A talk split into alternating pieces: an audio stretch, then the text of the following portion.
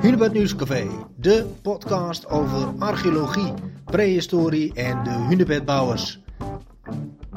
In het drieluik spreek ik met Geeske Langejans, archeologe en werkzaam aan de TU in Delft, de faculteiten Werktuigbouwkunde, Maritieme Techniek en Materiaalkunde. Eh, met haar spreek ik over werktuigbouwkunde, de prehistorie, lijmen aan de hand van drie vondsten. En we beginnen 50.000 jaar geleden in de tijd van de Neandertalers en we eindigen in het Neolithicum. Heel veel plezier. Ik ben één voor de podcast uh, en uh, jij zou het graag willen hebben over mesolithische spitsen uh, die gevonden zijn in het Doggerland gebied, spitsen met teer. Ehm, welke vondst heb jij op het oog? het lijkt me heel leuk om, om eigenlijk, ja het zijn twee spitsen. twee spitsen. Mag ook. En twee spitsen die ook nu uh, ja, hopelijk binnenkort dus te zien zijn in het RMO bij de Doggerland uh, tentoonstelling. Mm -hmm. Dat zijn twee spitsen die gevonden zijn door Henk Houtgraaf en Cedric Heijns. En zoals je zei, daar zit inderdaad iets van teer op. Mm -hmm. En het moet nog geanalyseerd worden. dat, ze zijn eerst helemaal anders onderzocht en nu dat klaar is, zijn ze bemonsterd. En is het natuurlijk de bedoeling dat dat teer in een gaschromatograaf gaat en dat het voor ons bevestigd wordt dat het teer is. Ja. Het zou ook iets anders kunnen zijn natuurlijk. Bijvoorbeeld hars. Maar ja. Oké, okay, dus dat, dat, dat weten we nog niet. Uh, nou, een aantal weken geleden uh, spraken we met uh, Merel Spithover, die een PhD doet over ja, waar zijn die spitsen nu van gemaakt.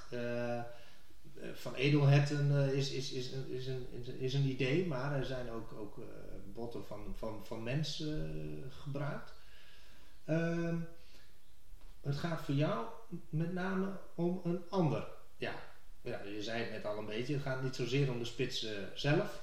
Dat is natuurlijk ook interessant. Maar dus ook aan, ja, wat staat daar nu aan? Ja, precies. Het gaat ons heel erg om wat, wat, wat zat er aan en, en hoe zijn deze spitsen geschacht geweest in het verleden. En dat is waarom deze twee zo vreselijk interessant zijn. Ja. Um, het spitsje van, uh, van Cedric is uh, ongeveer 7,5 centimeter lang.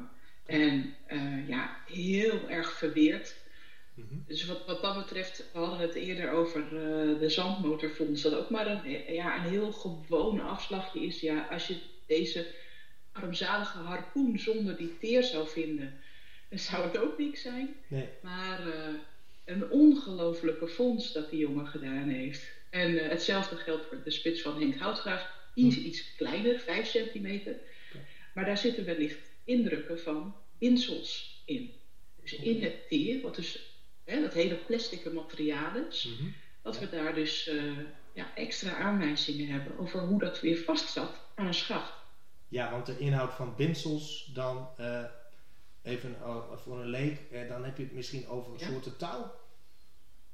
Ja, bijvoorbeeld ja. touw of pees. Ja. En, en touw, touw is misschien, uh, ja, ik zou zeggen vezels. Dus dat je bijvoorbeeld ja. linde bast. Als je de, de bast van lindeboom eraf haalt en je maakt wat zacht. Mm -hmm.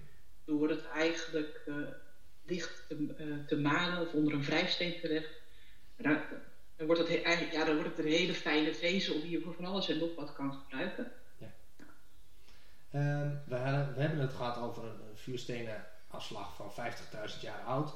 We zitten nu natuurlijk in het Mesolithicum. Uh, dus ja, hoe oud is, zijn die vondsten van de spitsjes van de heren? Ja, zo, laten we zeggen voor nu zo'n 9000 jaar. Ja. Dat wisselt. Sommige zijn, er zijn meerdere van die, uh, van die Doggerland spitsen gedateerd inmiddels. En dat ligt ergens, dat varieert tussen de 11 mm -hmm. en de 7000. Okay. Um, en die van ons, zoals ik net zei, ze zijn nu bemonsterd. En een onderdeel daarvan is dat ze ook gedateerd uh, gaan worden. En dan, uh, dan, dan, kan ik je met zekerheid zeggen. Maar laten we zeggen 9000. Ja, uh, nou, we, dit gaat dan over ja, eigenlijk de jager-verzamelaars, de moderne mens. Ja, ja.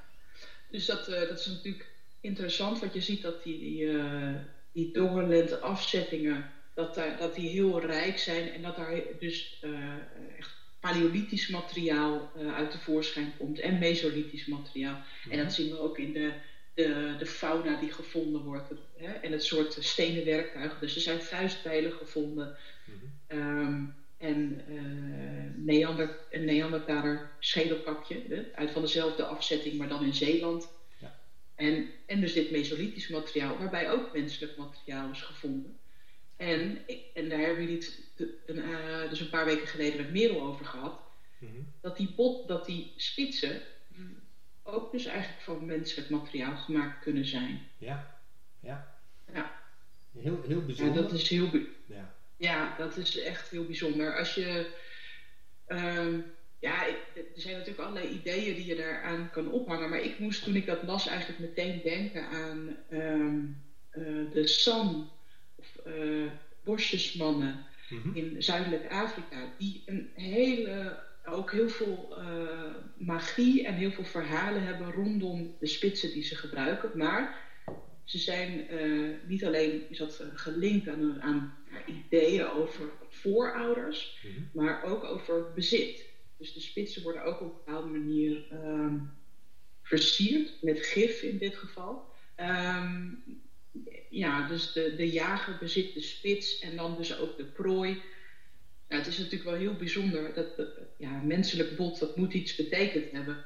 Maar er zijn ook voorbeelden uit Denemarken waarbij uh, bruine beer uh, ge, ja, gebruikt is of verwerkt is in, in die spitsen. En dat is natuurlijk ook heel bijzonder, want bruine beer is niet iets wat je zomaar tegenkomt. Dat edelhert, dat mhm. zullen ze veel gezien hebben. Ja. Er is ook gewoon een, een prooidier geweest. Een bruine beer is ja, dat, bijna als een mensenbot. is toch wel heel ja. merkelijk. Ja, je, en, en, en als ik jouw woorden zo ook een beetje proef, dan, dan zou je denken dat de edelhert meer een gebruiksvoorwerp geweest is en dat nou, mensenbot, bruine berenbot uh, ook een, uh, een andere betekenis uh, zou kunnen hebben gehad. Ja, ik, ik, ik kan me haast niet voor. ik, weet, ik weet dat het, je mag dat soort dingen misschien niet zeggen zonder heel veel onderzoek, maar dat kan bijna niet anders. Maar ik ben wel heel erg benieuwd wat het onderzoek van Merel gaat brengen. Ja. Um, want we weten ook, en dat, dat heeft uh, eerder onderzoek uh, uh, van, van Merel, maar ook van Leo Verhart heel duidelijk laten zien. Er zijn kleine en grote spitsen. En die kleine spitsen, die, zijn, die hebben een hele lange geschiedenis. Want die, die zijn heel vaak gebruikt en hergebruikt. Ja. En de, bijvoorbeeld die spits van Henk Houtgraaf laat dat echt zien. Ja. De, ja, en het, het zou natuurlijk Nee, laten we het zo zeggen. Hoe mooi zou het zijn ja. als er zo'n hergebruikte spits met zo'n lange levensgeschiedenis, als die nou op die bijzondere materialen gemaakt zijn. Ja, dan hebben we goede aanwijzingen. En als je inderdaad dat uh, etnografisch nog eens uh, vergelijkt met, met, met, met, bepaalde stammen, uh, dan, dan, dan kom je misschien al een heel eind. Hè? Ja. ja, ja, precies. Dus um, ja, is het misschien leuk om even uit te leggen waarom die spits van, van uh, meneer Houtgraaf, waarom we denken dat hij zo uh, vaak gebruikt is? Ja, want waar kun je dat dan zien? Nou, hij is, uh, hij is afgebroken geweest aan de onderkant. Dat kunnen we zien. Hij heeft een hele rechte breuk. Hm. Maar wat heel interessant is, toen we heel goed naar de lijnresten ook gingen kijken die erop zitten, bleek dat er twee weerhaakjes eigenlijk onder de lijnresten zaten. Dus wat we denken is dat uh, het een, een, grotere spits geweest is, die afgebroken is geweest en toen wellicht als pijlpunt hergebruikt is. Waarbij die eigenlijk ingekort werd en dat daardoor ook een deel van de, van de weerhaakjes niet meer nodig was. En die verdween gewoon eigenlijk in de schachting. Ja, precies. Oké. Dus het, het heeft eerst een andere functie gehad, denk je zelfs? Dat zou, het zou kunnen. Maar het is wel frappant dat er echt zo'n verschil is tussen die grote en die kleine. Leo Verhart denkt zelf dat de kleintjes echt in pijl- en boogsystemen uh, gebruikt zijn. Hmm. En dat de grotere toch wel speren geweest zijn.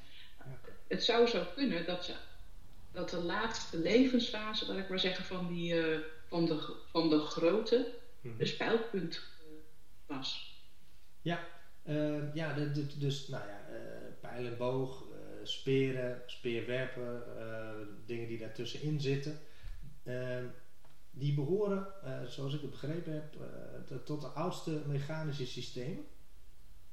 Ja, eigenlijk wel. Ja, want een, mechanisch systeem, ja, daarmee richt je of focus je de, bepaalde krachten. Dus je, je weet ze een bepaalde kant op te sturen. Ja. In een, in een, en dat, dat gebeurt natuurlijk eh, in een speer, mhm. maar ehm, ook in een, met een pijl en boog. Maar je zou kunnen zeggen, hé, hey, dat gebeurt ook al in een vuistpijl, waarin je bepaalde krachten één richting uh, op laat gaan. Mhm. Maar het is natuurlijk wel, de boog is een heel erg interessant mechanisch systeem. Want het eerste voorbeeld is waarbij we spierkracht eigenlijk opslaan. Je, je spant de boog, ja. dan gebeurt er nog niks, maar je laat de boog los en dan is een explosie van kinetische energie. Dan is die, energie, die spierkracht is dus omgezet naar iets anders. Ja, dat is een heel mooi uh, voorbeeld weer van uh, werktuigbouwkunde natuurlijk. Ja, ehm, maar dat, dat maakt pijl en boog bijzonder. En waarom mensen ook heel graag het verschil willen laten zien tussen een speer en een pijl en boog. Terwijl een speerwerper natuurlijk dit ook al een beetje doet. Hè? Alleen niet op die manier uh, energie opslaat. Ehm, ja, dus, dus je, je, je, kijkt een beetje naar de groottes en dan denk je, ja, zou dit een, een speerpunt of een pijlpunt uh, zijn? Uh, kijk je nog naar andere dingen uh, om dat te kunnen achterhalen? Ja, ik, ik de, de, de grootte van de spits wordt inderdaad wel heel vaak uh, daarin gebruikt. Maar je kan natuurlijk ook kijken naar het, de soorten prooi die gevangen zijn, die je terugvindt op vindplaatsen. Maar ook dat is, blijft heel erg moeilijk. Um, omdat je met pijl en boog op verschillende manieren kan jagen. Je kan een hele krachtige boog hebben die heel veel trekkracht heeft, waarbij je best groot wild uiteindelijk neer kan halen. Um, maar hetzelfde kan je doen met een heel klein pijlenboogje als je gif gebruikt. En de SAM zijn daar natuurlijk een prachtig voorbeeld van. Die hebben hele ja, fragiele boogjes. Maar ja, ze hoeven maar één keer raak te schieten en dan uh, de prooi achterna te blijven zitten en helemaal uitputten. Ja. En dan heb je ook, uh, op die manier halen ze toch wel de grootste uh, hertensoorten neer daar. Dus dat, dat, is moeilijk. Dus het, het, kijken naar fauna is moeilijk om te zeggen of er wat voor een wapen er gebruikt is. Ja. Um, Want er zijn ook wereldwijde verschillen, hè? Ja, inderdaad. En uh, bijvoorbeeld uh, in Australië kennen we geen pijlenboog. Maar kennen we wel een speerwerper. Uh, die is daar, wordt, de, Woema, de Woemera heet dat. Mm -hmm. En die is daar heel veel gebruikt. En we kennen die speerwerper natuurlijk ook uit het Magdalenium. Prachtige voorbeelden van een, een speerwerper waar een kalfje op uitge... Gespiest. Ja, uit, ja, precies.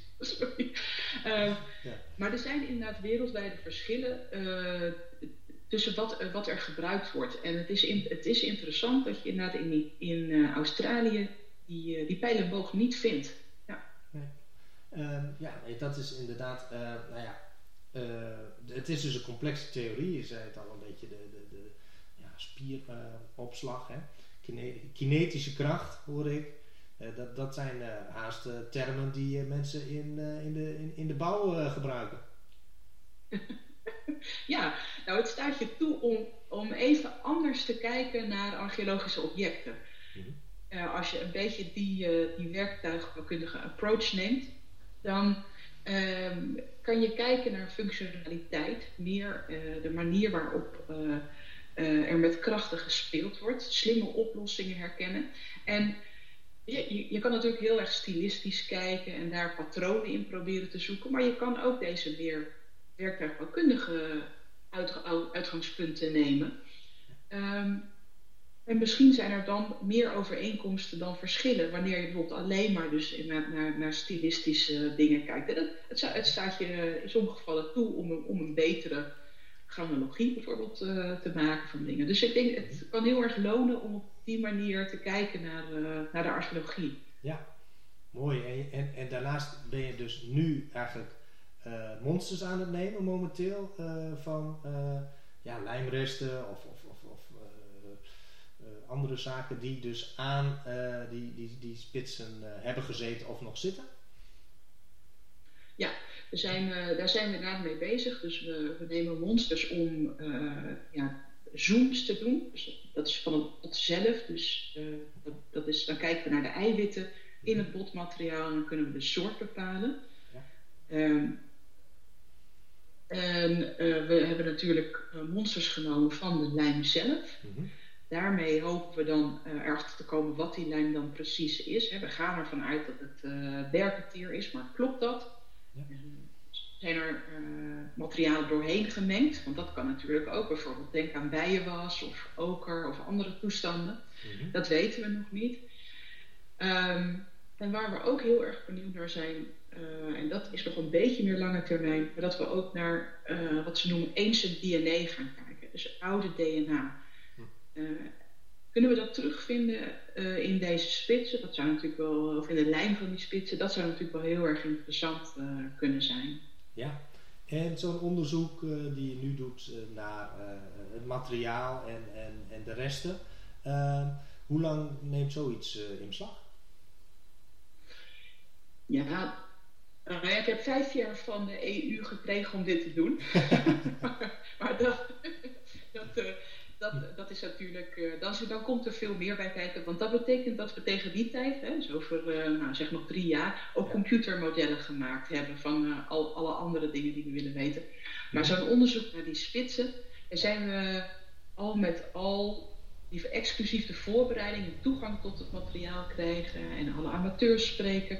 Ja. ja, daar zijn we bijna negen maanden wel mee bezig. Zo. want een, wat ik niet heb verteld maar dat Alessandro Aleo, de PhD van het project, mm die gaat samenwerking met Merel Spithoven ook experimenten doen. Ja. Zij heeft uh, gekeken naar de gebruikssporen, met name dus de schachtingssporen op die spitsen. En nu gaan we kijken van hé, hey, maar welke manier van schachten kunnen we dan uh, nabootsen en vinden we dezelfde soort sporen terug? Mm nou dus het is, het is meer dan alleen maar dingen onder een microscoop leggen of even naar een lab sturen. Dan moet je ook toch nog uh, zelf aan de bak. is een wat algemenere vraag, maar is in die zin uh, uh, in jouw beeld, zeg maar, de archeologie ook wel wat, wat, wat verrijkt en veranderd ten opzichte van, nou ja, laten we zeggen, een paar decennia terug? Ehm, je bedoelt met, met dit soort vondsten of met... Nou, met experimenten die je nu benoemt. Met het zoeken naar van hey, hoe zou dit gebruikt kunnen zijn. Uh, je zou het kunnen zeggen dat dat experimentele archeologie is toch ook? Ja, absoluut. Hmm. Nou, ik denk uh, dat is heel erg verrijkend en eh, levert heel veel inzichten op. Hè. Bijvoorbeeld het, het, namaken van die Neandertaler teer. Dat is natuurlijk ook een vorm van experimentele archeologie geweest. Ja. En dat is dit ook. Universiteit Leiden, Anneloe van Gijn, ja, die, die, die doet dit al decennia. Maar ook, uh, ik begrijp, bij het Hunebedcentrum zijn jullie ook uh, druk met het uh, doen van experimenten. En ja. haardkuilen werden er vorig jaar nagemaakt, geloof ik, of twee jaar geleden. Klopt. Dus, ja. dus mhm. het is, ja, het, is een, het levert heel veel informatie op. Mm um, ik denk, ja, is dat veranderd? Nou, ik, wat ik wel zie in mijn omgeving, maar misschien is dat mijn eigen zeg maar, ontwikkeling geweest, is ook een beetje terug het lab in. Mhm. We hebben ook veel experimenten gedaan bij de TU, ja. um, waarbij we op met, hele, met behulp van hele moderne machinerie materiaaleigenschappen hebben geprobeerd te analyseren. Ja. En die, die, die, die koppeling tussen wat je in het lab ziet, wanneer je naar hele specifieke eigenschappen kijkt, en dan naar het veld gaat waarbij alles weer bij elkaar komt, die is heel belangrijk, denk ik. Want je kan in het lab iets testen, maar dat kan in het veld heel anders zijn. Mhm. En, en, een leuk voorbeeld daarvan is dat uh, er loopt nu een, practicum waarbij tweedejaars bachelorstudenten in Delft Lijn aan het maken zijn. En die mogen ze dan ook op de laatste dag van hun practicum gebruiken om een, uh, een pijlpuntje uh, te schachten en schietexperimenten te doen met pijl en boog. Dus ze hebben drie dagen nagedacht over het maken van een supermooie prehistorische lijn. Ja. En dan als ze hem moeten aanbrengen, dan komen ze erachter dat een, een hele vloeibare lijn helemaal niet handig is. Of een lijn die er twee dagen over doet om te drogen niet handig is. Ehm, en zo lopen ze tegen of een lijn die wateroplosbaar is niet handig is, want we waren in de regen aan het schieten. Ja. zo zijn er dan allerlei variabelen die je pas tegenkomt op het moment dat je buiten bent. Dat je je handen gewoon lekker vies maakt en dat je denkt, maar dit werkt niet. Het kan in het lab zo mooi zijn, maar in het echt is het niks.